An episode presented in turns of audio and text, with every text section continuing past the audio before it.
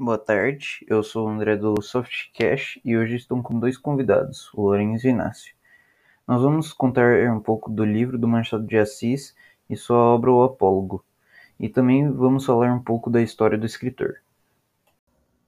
O livro 50 Contos de Machado de Assis, escrito pelo próprio Machado de Assis, foi lançado pela editora Companhia das Letras e publicado em 28 de junho de 2007. O livro apresenta 50 obras com histórias diferentes e únicas, selecionadas por John Gladson. E agora o Lourenço vai falar um pouco mais sobre a vida e a carreira do Machado de Assis. Joaquim Maria Machado de Assis nasceu no Rio de Janeiro em 1839 e faleceu em 1908. É considerado o maior nome da literatura brasileira, viveu entre o período do romantismo e do realismo. Ele foi um escritor completo, escreveu vários romances, além de contos, teatros, coletâneas de poemas e mais de 600 crônicas.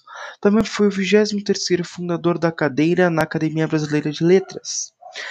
Algumas características presentes em seus textos são sua crítica à burguesia e à sociedade de maneira geral, sua ironia, sua metalinguagem e seu diálogo direto com o leitor.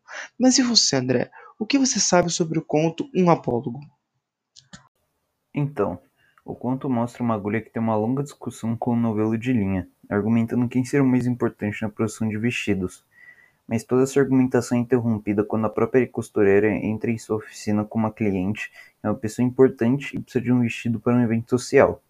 Após a costura ter sido feita, o noveludinho e o alfinete então ficam de gozação com a agulha, já que agora fazem parte de algo mais importante, enquanto a agulha é guardada na gaveta, destinada a sempre ter que servir de escada para os outros. A minha opinião sobre o conto é que a mensagem passada nesse conto é para você não se sentir superior ao outro. Ela é passada de uma forma que dá a entender que foi de uma experiência própria, uma realidade que muitas pessoas já passaram e que podem passar e que tem um significado muito profundo.